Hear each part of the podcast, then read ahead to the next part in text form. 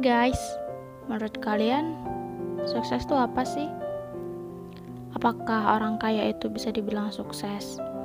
Atau orang pintar itu dibilang sukses?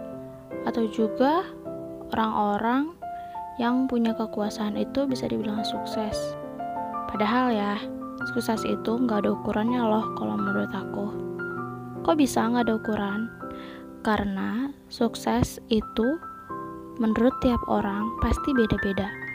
Misal, si A berpikir sukses itu adalah orang yang lulus kuliah menjadi sarjana lalu bekerja. Tapi si B belum tentu berpikiran sama seperti si A.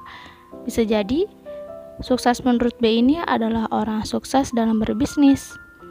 Atau menurut si C, orang sukses itu adalah orang yang bisa membahagiakan orang tua. Jadi, sukses itu Bukan menurut aku, kamu, dia, mereka, tapi sukses itu menurut kita sendiri.